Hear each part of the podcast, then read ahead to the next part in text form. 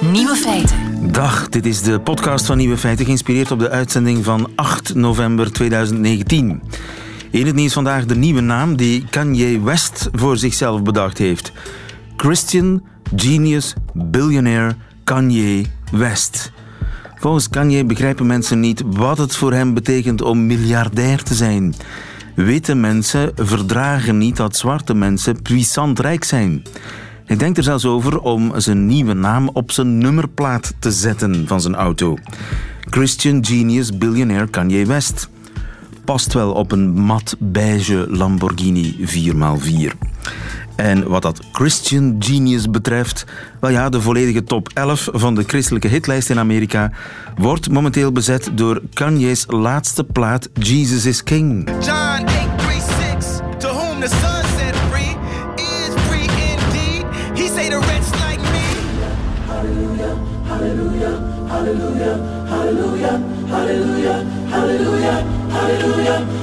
De nieuwe feiten vandaag. Egypte squasht iedereen naar huis. Papegaaien zijn de enige dieren die voedsel verspillen.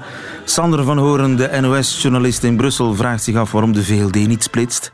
En we hebben een nieuw woord voor actieve ouderen. De nieuwe feiten van Nico Dijkshoorn hoort u in zijn middagjournaal. Veel plezier. Radio 1.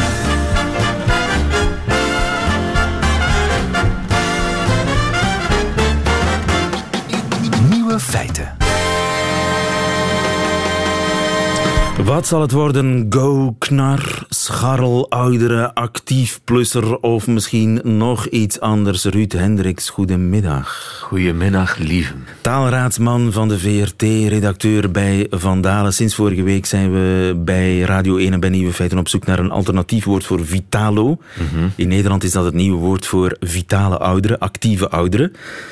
Vonden wij maar niks, hè? Nee, wij vonden dat niks. Omdat in Nederland past het natuurlijk in een traditie van lullo, arro. Ja, maar dat, dat hebben heel veel woorden- woorden met o. Ja, dat soort woorden kennen wij veel minder. Hè? Dus vitalo, dat doet ons aan van alles denken. Koekjes, ja, koekjes, fabrieksterreinen. fabrieksterreinen, Vitello Tonato. Vitello Tonato. Nee, dus daar waren we het snel over eens.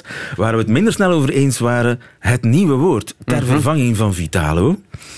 En dus wij organiseerden een wedstrijd, een wedstrijd met opvallend veel succes. Hè? Ja, echt. Hoeveel suggesties kwamen binnen? Meer dan 500 hebben we er gekregen. De Vlaming is een taalmens. Blijkbaar. In elk geval een actieve, creatieve puzzelaar. Misschien moeten we daar ook iets voor vinden. Om met taalelementen aan de slag te gaan. Om zijn creativiteit bot te vieren. Die 500 konden we natuurlijk niet allemaal voorleggen aan het volk om op te stemmen. We hebben een shortlist gemaakt onder jouw supervisie van 10. Ja. Eh, meer dan 5000 mensen hebben gestemd, zeg. Ja. Het leeft. Ja, ik, ik ben daar altijd heel blij mee. En, en het is ook leuk voor mensen, om je kunt daarover meepraten. Hè. Dus, en, en iedereen heeft wel zijn mening. Dus ik denk dat als we straks de winnaar bekend gaan maken, dat er nog heel veel meningen op ons af gaan komen van al die mensen ja, die voor een ander woord Ik kan nauwelijks hebben. wachten. Ja. Eh, eh, zullen we om de spanning nog op te drijven even de, de, de, de zeven die het niet gehaald hebben? Ja. Mag ik die geven? Snel. Snel. Hebben het niet gehaald. De doordoener, de herfstbloeier, de no-ager, de flux senior, de krakker, de scharrelouder en de gooknar. Die hebben het allemaal niet gehaald. Goknar had 2% van de stemmen maar. Ja, dat is niet zoveel, hè? De herfstbloeier 11%, doordoener toch nog 12. Mhm. Maar we hebben een duidelijke top 3. Ja. En eh, Annemie Peters, goedemiddag. Goedemiddag. Voor welk woord heb jij gestemd? Ah, ik mag de twee anderen nog niet zeggen. Ik vind, vond het Ik, een hele je moet gewoon op de vragen beantwoorden. Gaat dat lukken? voor, maar het is niet met 100% Je stelt meestal- enthousiasme. Het is voor Nouveau Gris. Nouveau Gris, dat was een van jouw favoriete woorden. Het is bij gebrek aan beter mijn favoriete woord. Je vond het eigenlijk heel... ik vind dat gris er te veel aan. Zie jij grijs? Heb ik voor mij aangesproken. Ik hoor bij die benoemde groep. En ik vind dat gris echt niet mooi. Maar het nouveau, dat doet de mensen denken aan wijn. Zij het aan Beaujolais. Maar ik heb voor 50-50 ooit ook zo'n zoektocht gedaan. Enfin, ooit, vorig jaar.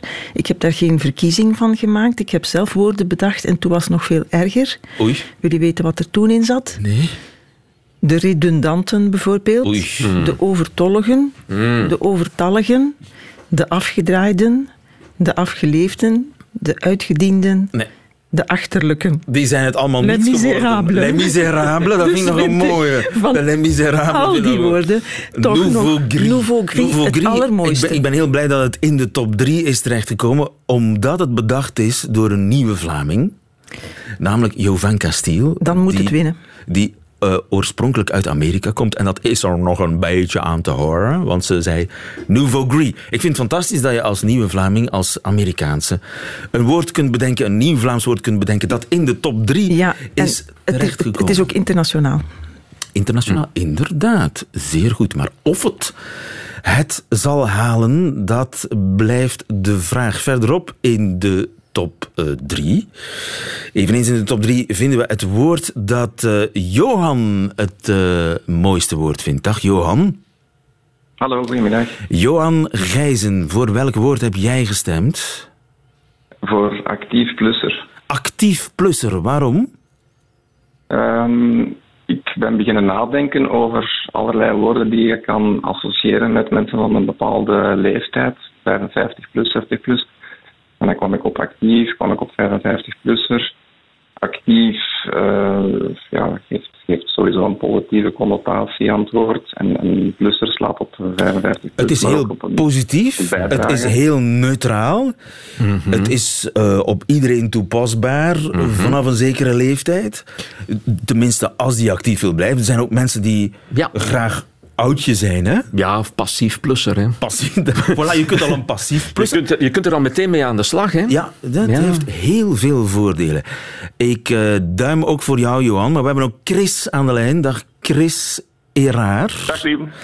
Chris, Dag, wat is jouw favoriete woord? Wel, Ongetwijfeld Jagger. En ik heb daar Jagger. Jagger, ja, ja, Jagger. Dat stond zowel voor Mick Jagger als voor jong actief gepensioneerde. Hè? Ja, gepensioneerden is er al een beetje over. Maar goed, jong actief, laten we zeggen. Maar goed, we hebben een dubbele uitleg, dus dat, dat is ook al mooi. En Jagger is een, een, ja, toch een beetje een, een rolmodel. Hè? Mick Jagger voor stijl en stijlvol ouder worden. Inderdaad. Maar je had nog een andere reden, Chris.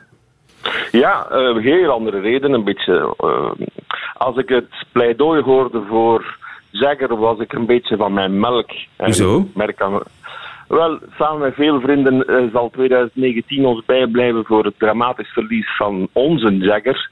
En Jagger was Johan de Jager, alias Johan de Jager, die wij helaas, ik merk dat ik er nog ontroerd van ben, ehm, dit jaar verloren zijn door een dramatische complicatie bij een simpele knieoperatie die een bloedklont er, eh, veroorzaakte en hij Dat bleef is erin. altijd super tragisch. Maar- dus jullie hadden al een Jagger.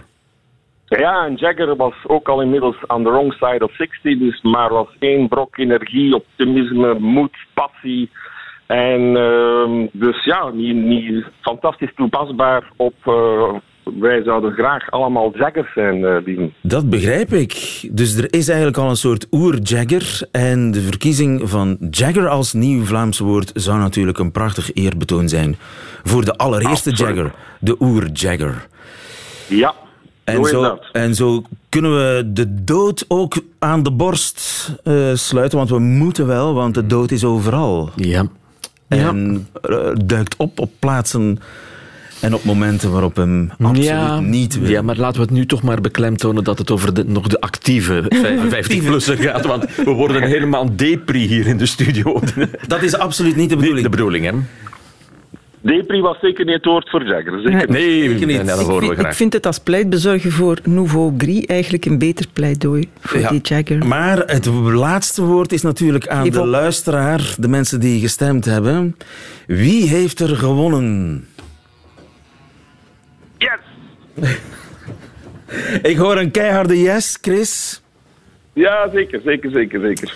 Het is Jagger geworden. Hoeveel mensen hebben daarvoor gestemd? eh? Ehm, van die meer dan 5000 deelnemers heeft, die hebben aan Jagger 2299 stemmen gegeven. Dat is ongeveer 23 procent. Dus één op de vier mensen heeft gekozen voor Jagger. En wie op twee? Op twee stond de actief plusser en dat was nek aan nek, want dat was ook boven de 2000. En dan de Nouveau Gris, die was toch wel op, een, op ruime afstand derde met was eh, niet enthousiast genoeg. 13, Ja, ja. 1300 en zoveel Ik stemmen. heb dat niet goed genoeg Maar verdedigd. toch een zeer eervol derde plaats voor Nouveau Gris. Heel eervol. Eh, Johan, ben je er blij mee? Actief plusser. Het is maar tweede geworden, maar toch, het is toch tweede geworden, hè, Johan? Ik sta toch op het podium, dus ik ben, ik ben tevreden. Je staat op podium zilver en goud voor onze Jagger. Dankjewel, Chris Heraar. En ik wens jullie met z'n allen veel sterkte bij het herdenken. Dat, dat zal nu eh, makkelijker en vlotter misschien lopen en minder pijnlijk zijn. eh, door de kennis dat de, de eer, het is toch een eer? Het is een eer. Het ja. is een eer. Jagger, ben je er blij mee? Ik ben er eigenlijk ook wel blij, blij, mee. zeker weten. Heel blij. Absoluut. Ik ook. Ja, want en ik ook, hè. Ja, want wij, zijn wij zijn allemaal, allemaal in die categorie. Dus Ik ik heb nog één taalkwestie. Schrijf je dat nu met een grote of met een kleine letter? Wel, het is intussen een soortnaam geworden. Hè. Het is een Jagger en er zijn Jaggers, dus dat is Geen klein. Hè. hoofdletter, oké. Ja. Dankjewel en laten we hopen dat dit nummer vlot gebruikt wordt in kranten, sociale media, overal. Zodanig dat het dan uiteindelijk in eh, de Vandalen Ja, terechtkomt. dat het een echt levend Nederlands woord En dan zouden we echt kunnen spreken van satisfaction.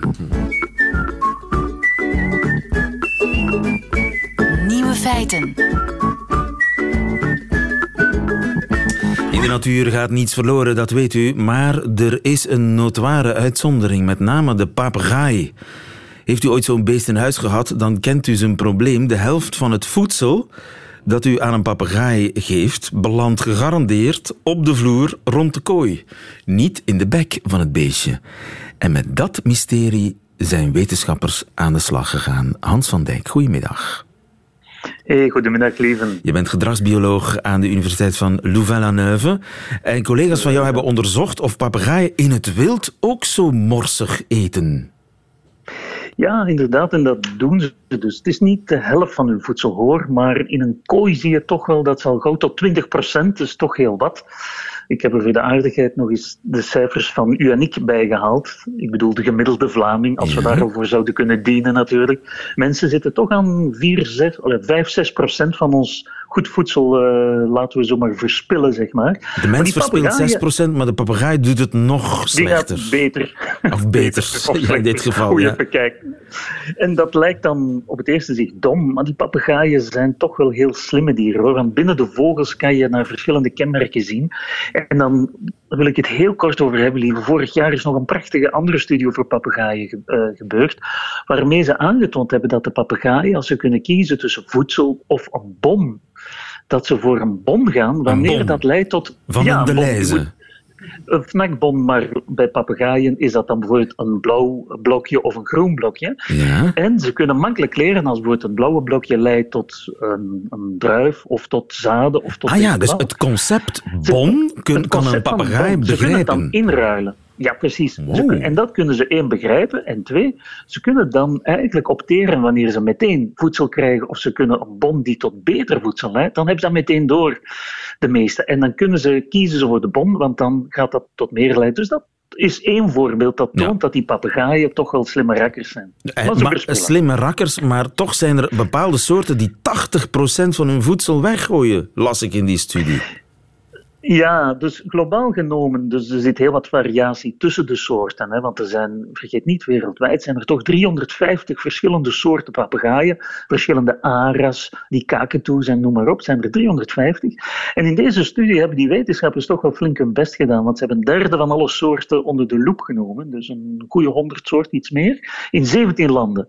In kooien, maar ook buiten kooien. En dan zie je dat als je gemiddeld genomen, er zit wat variatie rond, maar kom je op die goede 21% van het waardevol voedsel dat ze laten vallen en niet consumeren. In de natuur is het iets beter, zit je rond de 12 tot 14%. Voor fruit 12%, zaden en dat soort dingen een kleine 15%. En dan is de vraag natuurlijk, ja, waarom? eh, waarom Als het dan toch zulke slimme beesten zijn. Ja, maar dat, ja, dat is weer heerlijke biologische ingewikkeldheid. Wat je dan ziet, en ze hebben, er blijven nog vragen hoor. Het is niet altijd dat we met één studie alle antwoorden hebben. Hè. Vaak genereren we meer vragen dan antwoorden. Wat ze wel hebben gevonden is dat bijvoorbeeld wanneer het fruit niet erg rijp is, goed, dan zie je dat ze meer laten vallen. Als bijvoorbeeld het exotische planten zijn waarmee ze minder lang een evolutie hebben gehad, is het lastiger, laten ze meer, verspillen ze vaker. Zijn ze wat morsiger. Wat wel opvalt is ook in de broed. Als, als ze met jongens zitten, dan verspillen ze minder. Dus dan zie je dat ze kennelijk toch iets Ja. zuiniger worden wanneer het er echt... eh, Maar kennelijk hebben ze gewoon eten te veel en kost het hen weinig moeite. En is het gewoon ja, leuk om, om te plukken en dan hup, gooi ik het maar weg. Ja, wellicht heeft het ook te maken met het feit dat veel van hun voedsel fruit en zaden zijn. En dat is bijzonder in die zin dat als je in een tropisch, want heel veel van die papegaaien zijn tropische soorten, als je zo'n tropisch regenwoud rondfladdert, ehm, eens dat je een fruitboom vindt, heb je heel veel fruit. Het kan zijn dat je een tijdje moet zoeken om die boom te vinden, maar eens dat je dat soort vruchten wil gebruiken, heb je vaak een overvloed. En wellicht zijn dat factoren die meespelen, dat ze eens ze aan een voedselbron zitten, hebben ze plaatselijk zoveel fruit, dat ze best wel morsig kunnen zijn, dat Ja. dat eigenlijk het evolutionair niet hoeft geoptimaliseerd te worden. En misschien zijn er andere dieren die daarvan profiteren. Ja, dat heb je goed ingeschat, eh, lieve. Dat klopt. Dus eh, wat de papegaaien eh, vrolijk naar beneden laten tuimelen, er zijn wel andere gegadigden. En dat hebben ze ook in deze studie, en dat vind ik nog het fijnste onderdeel van hun werk. Ze zijn ook gaan kijken in de natuur, maar goed, als dat valt, wie doet er wat mee? En ze hebben tientallen, bijna 90 soorten gevonden die een belangrijk deel van hun voedsel daaruit halen. En dat gaat van mieren tot muizen tot grote herten, die ook dan die noten of die zaden of dat fruit komen opsmullen. Dus dat zijn de echte meeeters in de natuur. Dus de commensalen. Allemaal meeeters, ook in de natuur. En eh, ja, de uitdrukking eten als een varken moeten we dus dringend vervangen door eten Ja. als een papegaai. Wat zit de natuur toch prachtig in elkaar. Dankjewel Hans van Dijk. Goedemiddag. Tot later. Nieuwe feiten. Zou er misschien iets in de Nijl zitten? Want de Egyptenaren die winnen tegenwoordig alle squashwedstrijden. Goedemiddag, Stefan Kastelein. Goedemiddag. Stefan, je bent eh, voormalig profspeler squash. Ja, inderdaad. De top 4 van de wereld, zowel bij de mannen als bij de vrouwen, bestaat uit Egyptenaren. En sinds 2003 is het WK Squash al tien keer door een Egyptenaar gewonnen. Ik wist niet dat de Egyptenaren zo straffe squashers waren. Ja, dat is ongelooflijk. Dat is eh, nog nooit gezien daarvoor. Die Egyptenaren winnen alles al een hele tijd lang. Egypte is het Duitsland van de squash. Ja, ik weet niet waar dat de vergelijking komt van het Duitsland van het squash, maar... eh, Ja, in het voetbal is het toch zo dat de eh, Duitsers altijd winnen? ah, ja, ze mij wijs? Duitsers, ja, ja, ja. kinder. Nu ben ik mee. Ja, inderdaad, eh, dat zou wel kunnen. En zit er iets in de Nijl of wat is hun geheim? Ja, dat is een goede vraag. Wat is hun geheim? Eh, dat is een beetje een combinatie van eh, de Engelse kolonies. Eh, het is een Engelse sport, dus alle kolonies, gelijk Pakistan, hebben squash ooit gedomineerd. Nu is het Egypte de beurt, maar de formule dat ze gebruiken is een beetje uniek.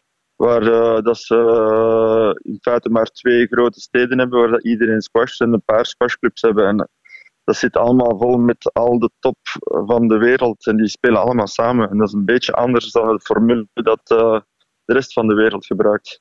Maar hoe bedoel je, eh, de top van de wereld zit daar samen, maar het zijn wel allemaal Egyptenaren. Ja, maar het, zijn- het zijn- het zijn een honderdtal spelers, professionele spelers, die allemaal in één club trainen, samen. En die Dat elkaar opjutten natuurlijk. Ja, ja inderdaad. En eh, normaal in andere landen, als men iets beter wordt, dan eh, isoleert men zich uit de groep en begint met te trainen met een coach. En het is, is ja, een andere manier van training, maar blijkbaar is hun manier beter. En dat is niet zozeer met een coach één op één werken, maar samen spelen. Ja, dat, elkaar eh, dat is het, eh, versterken, eigenlijk. elkaar versterken. Die hebben zoveel verschillende kleuren van, van spel die samenkomen en die dan elkaar een beetje beïnvloeden. Maar als je dan met één coach werkt, één op één, heb je maar één. Ja, je kunt dus wisselen van coach voor iets anders bij te leren, maar meestal met een filosofie van één coach dat je dan eh, ja, op traint. En daar zijn die Egyptenaren, die spelen gewoon allemaal samen. Die, die komen terug van toernooi, die komen trainen samen En spelen samen. De juniors spelen met de seniors, de vrouwen spelen met de seniors. Het is zo allemaal één grote pot en ze spelen en ze spelen en ze trekken elkaar op. En is dat iets wat in Egypte heel courant is? Ik bedoel, wat iedereen speelt, squash, zoals eh, voetbal bij ons? Eh, ja, ik zou zeggen, het is misschien niet even groot als voetbal, maar het is, het staat zeker op eh, plaats nummer twee. Dat in de rest in de wereld zijn er toch veel andere sporten die worden aangeboden aan de jeugd. Daar is het echt squash, voetbal en squash. Ah ja. Dat zijn de twee grote sporten. Je hebt dan ook een beetje tennis, maar echt Verdienen ze daar veel geld mee, de Egyptenaren? Valt er veel geld te rapen in die sport? Uh, het is een heel kleine sport uh, waar dat niet echt heel veel geld mee gemoeid is.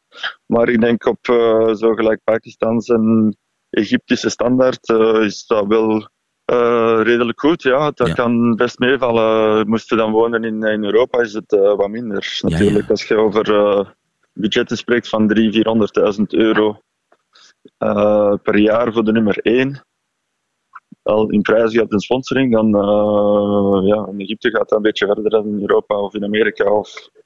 Ja, dus in Egypte kun je er wel van leven, van je professionele squashcarrière. Ja, zeker. Denk je, daar uh, kun je er goed van leven. En het is ook wel een statuutsport. Uh, het is ook wel een sport dat wordt aangeboden in de meeste resorts. Dat zijn zo van die ja, projecten dat ze neerzetten waar dat je dan verblijft. En daar zijn dan ook meestal squashclubs. En dat is dan meestal wel voor de iets rijkere bevolking. Ja, ja. Dus het heeft wel een, een, een status een statuut ja, ja, ja, van squashspelers te zijn. Het is chic om, om, om te squashen. Het staat goed. Nee, inderdaad. Ja, ja. En spelen ze ook anders, de Egyptenaren? Uh, de Egyptenaren spelen zeer aanvallend, wat dat heel mooi is.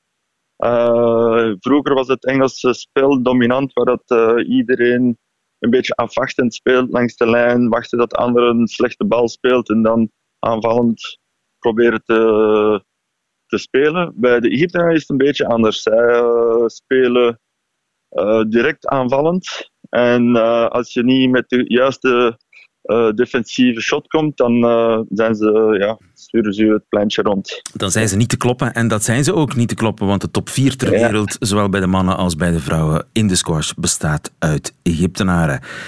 Helder, dankjewel, Stefan Kastelein. Goedemiddag. Graag gedaan. Nieuwe feiten.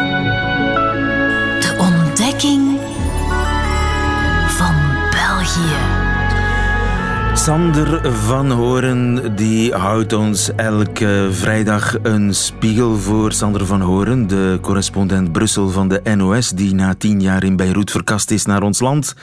Een land dat hij in ijl tempo aan het ontdekken is, ook op taalkundig gebied. En uh, Sander, je zit niet bij mij, je bent op stap. Waar ben je? Ik uh, sta voor de rechtbank in Antwerpen. Daar heb ik geen persoonlijke uh, bezigheden. Laat je dat geruststellen. Tuurlijk maar hier niet. staat de Nederlandse actrice Emmanuel Grieves uh, staat hier vandaag terecht. En daar ben ik bij geweest. Oh ja, dat is die dame die met drugs is opgepakt Nog op een festival. al wat drugs op Tomorrowland. Ja, ja, ja. Verscheen in de pruik verstopt en dergelijke. En, okay. en dat is natuurlijk ook nieuws in Nederland. Nou ja, misschien nog wel meer dan in België. Kijk, in België speelt natuurlijk vooral uh, de drugsdoden elk jaar weer op die vele festivals. Dat daar tegen opgetreden wordt. Ja, en als er dan iemand gepakt wordt, zo wat dat het een bekende Nederlander is. In Nederland speelt natuurlijk vooral het feit dat ze bekende Nederlander is. Dus daar zie je alweer een aardig verschil tussen de twee landen. Heb jij deze week nog verder iets ontdekt aan ons land? Sander? Nou ja, mijn, mijn persoonlijke uh, uh, fascinatie is natuurlijk of en in hoeverre politici van de beide zijden uh, de taal van de ander spreken. En ik vind het altijd heel schattig om uh, uh, Vlaamse politici in het Frans te horen spreken. Maar omgekeerd heb je het natuurlijk ook. He, dan had je premier Michel die naadloos switcht. Nou, ik hoorde Sophie Hermes hoorde ik ook opeens in het Nederlands spreken. Maar ja, de beste Wilmes, tot nu toe ik, vind Wilmes. ik toch wel. Je zei Hermes, Wilmes. Oh, sorry, sorry. Ja, ja, ja. ja. Let Wilmes, op wat je zegt, hè. Ja. Nee, precies. Pas op. En, uh, maar de beste tot nu toe, en dat is dan ook een naam die ik uh, ga onthouden, misschien wel als toekomstig premier, wie zal het zeggen. Is natuurlijk de burgemeester van Charleroi, die uh, bijzonder goed Nederlands blijkt te spreken. Ja, hij, hij spreekt het het best eigenlijk hè, van alle Waalse politici, denk ik. Ongeveer. En het aardige vind ik van Paul Magnet, als je dan nog even kijkt, dat hij eigenlijk een taalvluchteling is. Hè. Zijn ouders toch in elk geval. Hij is geboren in Leuven, maar daar heeft hij volgens mij zijn Nederlands uh, niet vandaan. Maar hij beheerst het uh, vlot en uh, redelijk vlekkeloos. Veel beter eigenlijk, viel me op, dan Charles Michel. En jij verwacht hem als toekomstige premier? Yeah. Nou, nee hoor, zo optimistisch ben ook ik nog niet. Uh, ik vind het wel verstandig dat hij de aanpak uh, kiest. Volgens mij lijkt dat ook weer wat meer op de Nederlandse aanpak. Waar inderdaad ook uh, iedereen elkaar van tevoren uitsluit tijdens de verkiezingscampagne.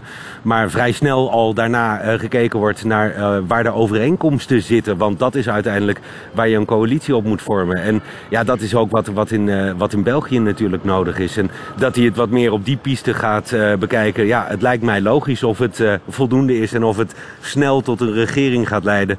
Ja, volgens mij toch weer niet. En hoe keek je naar de move van de burgemeester van Gent, Matthias de Klerk? Ja, de Klerk, die uh, wel iets interessants doet volgens mij hoor. En uh, je ziet dus dat daar waar, uh, tenminste volgens mij, PS en NVA naar elkaar blijven kijken, dat de druk groter wordt op die andere partijen. Nou, de Christendemocraten, daarvan weten we dat zij eigenlijk hebben gezegd: wij gaan in de oppositie de wonden likken. En uh, cijfermatig zijn ze niet eens nodig voor een uh, coalitie. Maar ja, dat legt dus weer de druk op de liberalen. En ik vond het wel interessant hoe je die partij eigenlijk al op voorhand uh, uiteen ziet vallen. Met de linkervleugel, laten we het dan zomaar even noemen, aangevoerd door Matthias de Klerk, maar volgens mij op de achtergrond nog altijd door Guy Verhofstadt. Natuurlijk de, de, de, de grote peetvader van, van de Klerk. En ja, aan de andere kant toch het zittende partijbestuur die op de uh, ouverture van de Klerk eigenlijk meteen de deur dicht sloeg en zei: nee, wij uh, zien niets in een uh, paars-groene coalitie. En ja, daarmee zijn we eigenlijk weer terug bij af. Daar waar gisteren iets van een opening gloorde is de deur meteen weer dichtgeslagen. Ja. Heb jij als Nederlander een advies voor de partij? nou ja, nou, dat, dat willen ze vast niet horen. Nee, mijn advies zou zijn splits. Dat is wat we in Nederland uh, namelijk hebben. Daar hebben we gewoon uh, uh, twee liberale partijen. Hè? D66, wat in alles overeenkomt eigenlijk met Open VLD. En aan de andere kant hebben we de VVD, wat ideologisch toch meer tegen de NVA aanzit. maar terwijl ik dat zeg, ja, hoor je eigenlijk al dat zo'n wat, wat, wat conservatief-liberalere partij, ja, die is er hier al. Dat is de NVA. Alleen de NVA is hier belast, in dit geval zou je zeggen, met het confederalisme. Zouden ze dat loslaten, ja, dan had je gewoon een standaard uh, klassieke uh, liberale partij gehad waar je gewoon mee kunt praten. Maar goed, dat, dat is er dus niet. En als je het hier op dit moment in de tijd opsplitst, die Open VLD, ja, dan hou je natuurlijk twee splinterpartijtjes over uh, waar je ook weer niets aan hebt. Dus nee, een echt advies uh, zou ik op dit ja, moment toch maar samen blijven. En uh, we kijken met spanning hoe die uh, regeren. Nu begint het nou echt ja, spannend te worden. binnen partijen met begonnen. vleugels. De, een, een, een, strijd nog eventjes met, met partijen en vleugels. Dat heb je natuurlijk altijd. Ook de VVD in Nederland heeft ook een linker en een rechtervleugel. Een vleugel die wat meer met het klimaat begaan is. En een vleugel die wat ja. meer klassiek economisch redeneert. En ja, dat, die, die strijd die heb je natuurlijk binnen elke partij. Elke partij heeft vleugels. Meer dan twee mensen meer dan twee politici bij elkaar en je hebt uh, vleugels. Wat ons brengt bij het door jou gevreesde.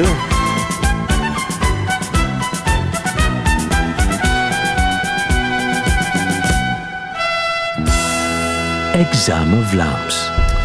En ik moet zeggen... Lieve, de verbinding met de rechtbank in, in ja, Antwerpen valt no opeens way, weg. No. het wordt alsmaar slechter. Nee hoor, ik hoor jou uitstekend. Sander van Hoorn, wij hebben suggesties binnengekregen van een luisteraar. Juist. Willy van den Wijngaard. Ik vermoed dat hij een voormalig garagist is. Wat is een garagist? Dat hebben we in Nederland ook, hè? Garagehouder? Uh, garagist, ja, dat is een, uh, een, een, ja, Al universeel. Een garage neem ik Zeggen jullie garagist ook in Nederland? Nee, wij, wij noemen dat een, een, garage en iemand die daarin werkt heet denk ik meer een monteur. Okay. Ook een mooi Frans woord trouwens. Wat is een boîte? Een bougie? Nee, nee. nee oh, helaas, helaas, helaas, helaas. Een boîte, de boîte is kapot. Dure, dure kost hè, als een boîte kapot is. Oké, okay, ja. Ja, dat is een versnellingsbak. Boîte. Een versnellingsbak. Doos, Kijk. bak, boîte. De boîte. Ja. Pinken. Ja, de dingen die aan je vingers zitten. De kleintjes. is ook juist. Ik wil je daar een half dat zijn pinken, inderdaad. Ik heb er een pink. Maar uh, als je pinkt. Pinken is ook een werkwoord. Pinken. Wij kennen alleen bij de pinken zijn. En het is bij de hand ja, zijn. Het is... Uh, nee, nee. Pinken is ja, uh, richting aanwijzen. Knipperen. Ah. Ja. Knipperen Ja, eigenlijk. Ja, knipperlichtjes. Ja, ja. Je pinkt naar links en pinkt Ah. naar rechts. Je knippert. In Nederlands is het knipperen, hè? Ja, ja, ja. Overigens denken eh, Vlaamse of Belgische automobilisten dat dat al genoeg is om het recht te hebben om af te slaan. Niet in de gaten hebben dat er ook nog wel eens fietsers zijn. En dat eh, is bijna mijn doodvonnis een paar keer per week. Dat is, dat is erg, hè? Dat is in Brussel vooral, hoor. Gaan ik het fiets nog een in keer Brussel. over hebben. Zeker. Ja, nee, nee, maar Ja, we kunnen nee, het er nu wel over drama. hebben, dat heel kort. Maar, maar in Brussel heb je dat inderdaad. Je wordt gesneden als fietser. Ook, Dus heb ik zelf ook al meegemaakt. Dat je een, sch- eh, een schouder hebt waar je overheen kunt kijken. Dat je dan in je dode hoek kijkt. Brusselaars hebben een, een stijve nek. Die kunnen niet over hun schouder Ja. kijken. Die kunnen ook niet in een spiegel kijken. En ik heb het zelfs al meegemaakt met politiemannen in een auto. Die kijken ook niet. Ja. En- en Maar het volgens mij is dat ook iets communautairs. Het is ook communautair. Want dat hetzelfde heb je in ja. Luik, weet ik uit eigen ervaring. En Hoei heb ik ook al gefietst. Niet te doen, fietsen in, in Franstaligen Nee. fietsen anders dan Vlamingen. In Gent is dat helemaal anders. Het is een Gaan communautair verschil tussen hebben. fietsen in Vlaanderen en fietsen in, in Franstalig België. Franstalig België Maar beschouwt in Nederland, als een in Nederland sport. is het nog weer anders, lieven. Dus Ja. daar, daar gaan we het nog eens een keer over hebben. Joint de culasse. Geen flauw idee, joh. Ik, ik, ik ook niet. Ik, eigenlijk ook, ik zeg het voortdurend, dus waar- ik hoor het voortdurend. Nog een as, zou dat kunnen? Nog een as? Een nokkenas, oké. Ja, ja. Het- het- volgens mij, de verbe- eh, we gaan weer heel veel post krijgen hierover. Ik zag door de man Ik heb als vroeger een deux chevaux gehad, eh lieven. Een en deux chevaux. snapte ik nog Foei, een deux Ja, chevaux in was Vlaanderen heet... Eend, maar dat was, eh, Nee, tenminste bij eend. ons, heet dat een Geen eend. lelijk Nee, eendje. nee, nee, Dat nee, was nee, de eerste en de laatste auto die ik snapte. En daarna was het, eh, eh, liet ik het aan de garagist over. Ik geef jou dit Vlaams woord cadeau, eh, Sander. Een eend is een geit. Ja. Een wat? Een geit. Een geit. Een geit. Een lelijke geit. Nee, gewoon een geit. Een deux chevaux'tje is een geit. Vroeger zag je ze overal. Ze- De geiten worden zeldzaam. Staat hij in vitesse, je auto? Staat hij soms in vitesse? Ja, hè, ik weet er eentje. Oké, Ik weet er eentje. proficiat. Helemaal goed. Dat is helemaal goed. En eh, is, Ja. is het een... Dus dan kan je zeggen, de boord staat in Vitesse. Ja, de boot staat in vitesse. Ja, ja, dat zou ik nu niet meteen zeggen. Maar, maar Oké. de auto staat in vitesse. Yes. In versnelling. Is het een decapotabele trouwens? Heb je een de rij decapotabele? Een, eh, een cabrio? Juist! Wow, wow, wow. Het kan Dat is helemaal op. goed. Je gaat de goede kant op, Sander. Ja. Ik, mo- ik kan je nog geen diploma Vlaams uitreiken, maar Nee, dat diploma nee, nee. komt stilaan dichterbij. De truc is gewoon denken in het Frans of zo min mogelijk denken. En dan kom je in de buurt. Je hebt het stilaan begrepen. Dag Sander, tot volgende week. Juist. Radio 1. Nieuwe feiten. Dat waren ze, de nieuwe feiten van 8 november 2019. Behalve die in het leven van de man die het middagjournaal voor ons bijhoudt deze week. En dat is Nico Dijkshoorn. Nieuwe feiten. Middagjournaal. Beste luisteraars, ik verlang de laatste tijd heel erg terug naar de tijd dat je nog een relatie op kon bouwen met een heel leuk meisje, alleen omdat je drie akkoorden op een akoestische gitaar kon spelen. Zo deed ik dat. Ik wachtte tot alle aantrekkelijke jongens uit de klas te dronken waren om nog te lullen. En wie maakte zich dan los uit de schaduw van het woud?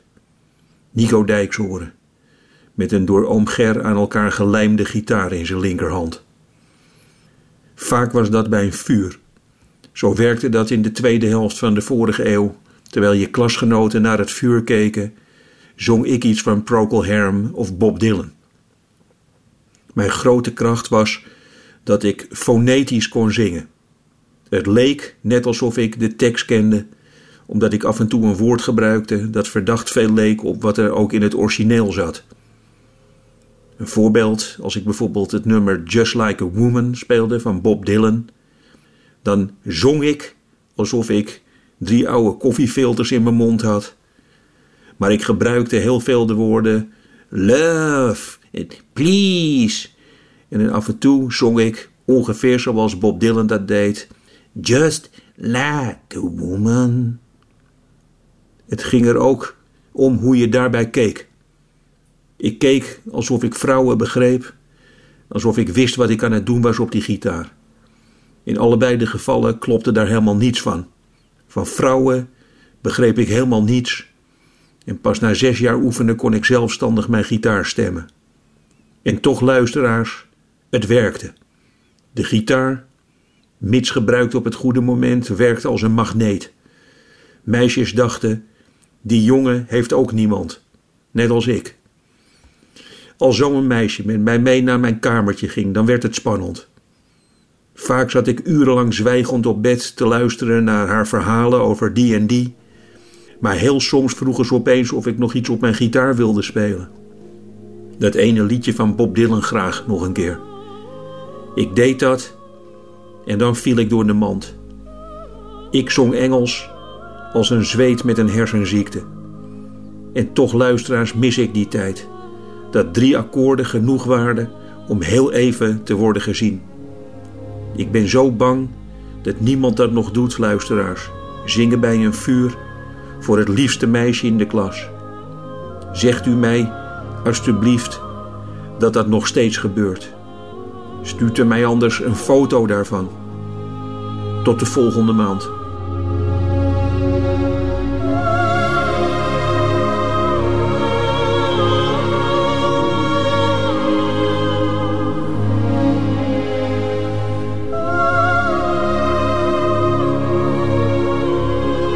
Het Middagjournaal met Nico Dijkshoorn.